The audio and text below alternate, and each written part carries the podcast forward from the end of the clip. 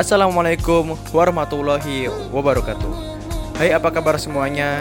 Semoga selalu diberi kesehatan Selalu dilancarkan rezekinya Dan semoga selalu bahagia. Amin.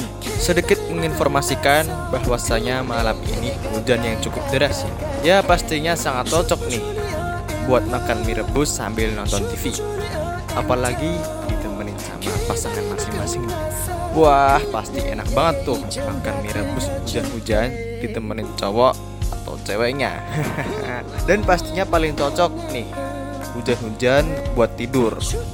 Udah dingin pakai selimut. Wah surga dunia banget nih. Kebanyakan basa-basi sampai lupa perkenalan.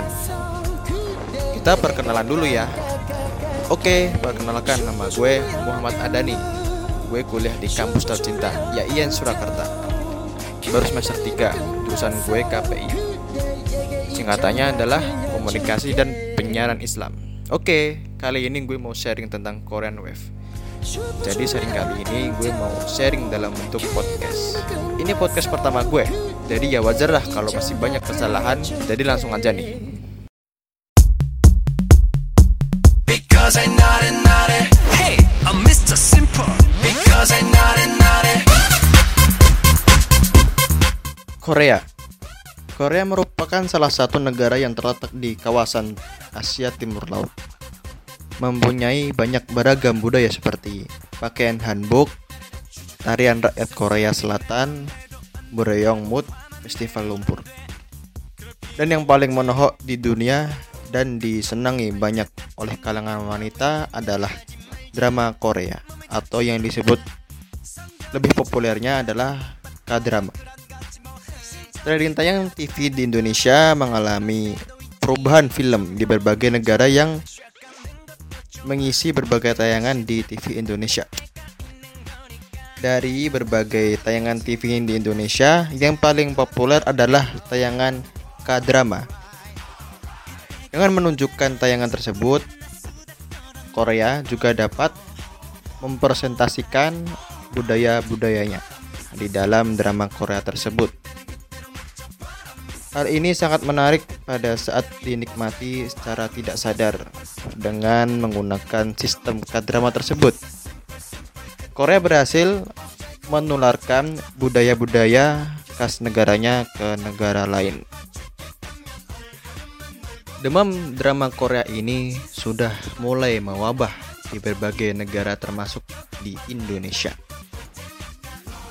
karena dengan salah satu perkembangan teknologi yang sudah pesat yang mampu untuk mengakses dan juga menyaksikan salah satu produk gelombang Korean pun menjadi lebih mudah.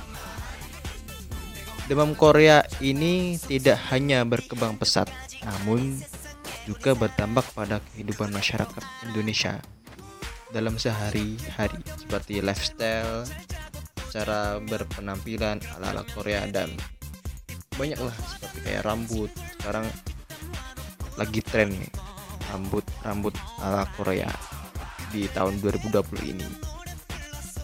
Mau sedikit menganalisis ya.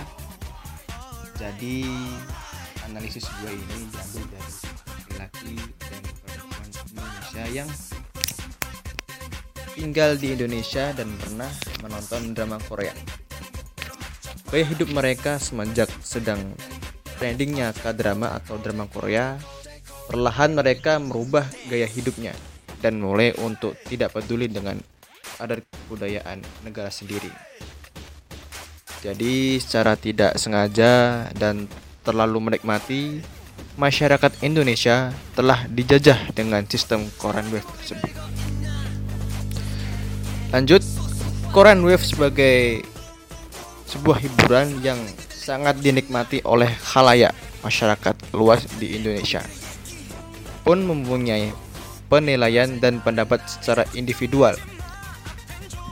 Berdasarkan hasil penelitian dengan seluruh informasi yang merupakan generasi Z yaitu yang didefinisikan sebagai orang-orang yang lahir dalam tahun kelahiran 1998 sampai 2010.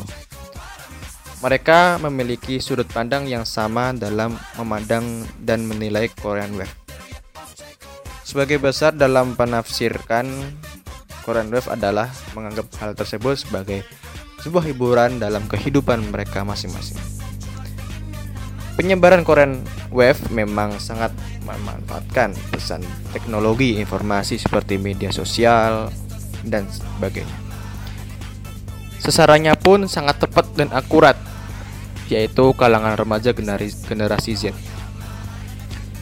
di mana pada usia tersebut mereka begitu akrab dengan gadget, gadgetnya dan internet. Berawal dari rasa penasaran yang timbul pada diri masing-masing, mereka mulai mencari lebih tahu dalam mengenai apa itu Korean Wave.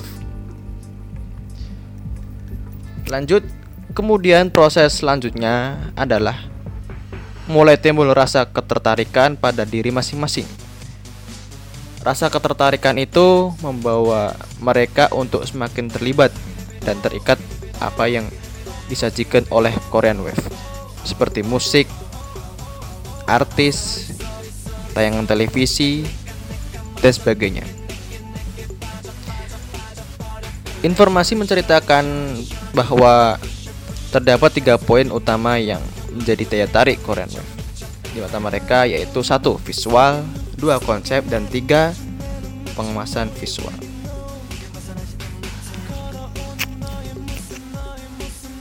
Pengemasan visual merupakan penggambaran yang dapat terbaca oleh indera penglihatan.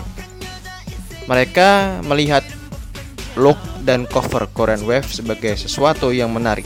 Contohnya, artis-artis Korea yang memiliki paras cukup tampan dan cantik. Postur tubuh yang proporsional hingga penampilan yang mempesona. Konsep Korean Wave memiliki konsep yang berbeda dengan satu. Generasi Z merupakan orang-orang dengan kelahiran di era tahun 1995 sampai 2010. Generasi Z dikenal sebagai generasi muda yang lebih mudah untuk mengadopsi atau mentolerir dan menerima masuknya budaya asing. Stalking adalah menguntit atau memantau akun orang lain tanpa sepengetahuan pemilik akun. Dalam masuknya budaya Korea ini terdapat beberapa pendapat juga seperti halnya uh, maaf maaf ya juga seperti halnya satu produk Korea sangat diterima oleh para pecinta K-drama dan K-pop karena hanya ingin mengikuti tren gayanya bahkan sampai mengcover lagunya dan merubah gaya stylisnya dalam kehidupan sehari-hari. Dan yang kedua yaitu orang yang tidak menerima kebudayaan Korea tersebut dikarenakan kekhawatiran Korea akan mengambil alih kebudayaan lokal. Jadi gue gue mau menyimpulkan atau kesimpulannya nih Kolonia, kolonialisasi budaya Korea terjadi ketika K-drama masuk dan mendomini, mendominasi TV Indonesia. Hal ini terjadi dapat terjadi karena acara televisi di Indonesia cenderung tergerus media global, sehingga tayangan televisinya sering menayangkan produk asing dibanding dalam negeri. Tren tayangan K-drama sedikit banyak memberi pengaruh terhadap masyarakat. Hal ini dikarenakan K-drama memiliki pola yang sama dalam produksinya, di mana inter internalisasi budaya Korea sangat kental. Drama seakan sedang mempromosikan Korea dengan cerita yang asik dan apik. Oleh karena itu, ini membuat budaya Korea dikenal dan bahkan diikuti oleh para pecinta K-drama. Kedua, adanya kolo adanya kolonialisasi Korea terlihat dari dominasi produk media Korea di Indonesia, baik di televisi, media cetak, dan internet yang kemudian berdampak pada produk media Indonesia.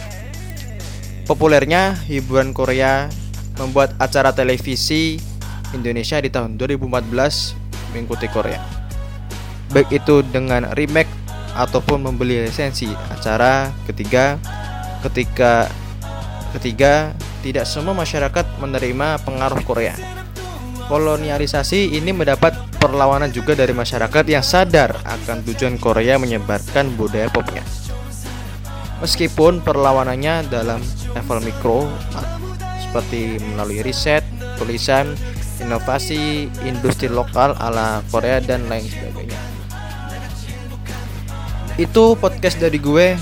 Jadi wajar sih ya kalau masih banyak salahnya, namanya juga masih belajar ya. ya sekian dari gue. Kalau ada maafnya, kalau ada maafnya, kalau ada salahnya, kalau ada salahnya mohon dimaafkan. Ya. Wassalamualaikum warahmatullahi wabarakatuh. 그렇던 걸 어디서 찾니? 너같이 좋은 사람 너같이 좋은 사람 너같이 좋은 마음 너같이 좋은 선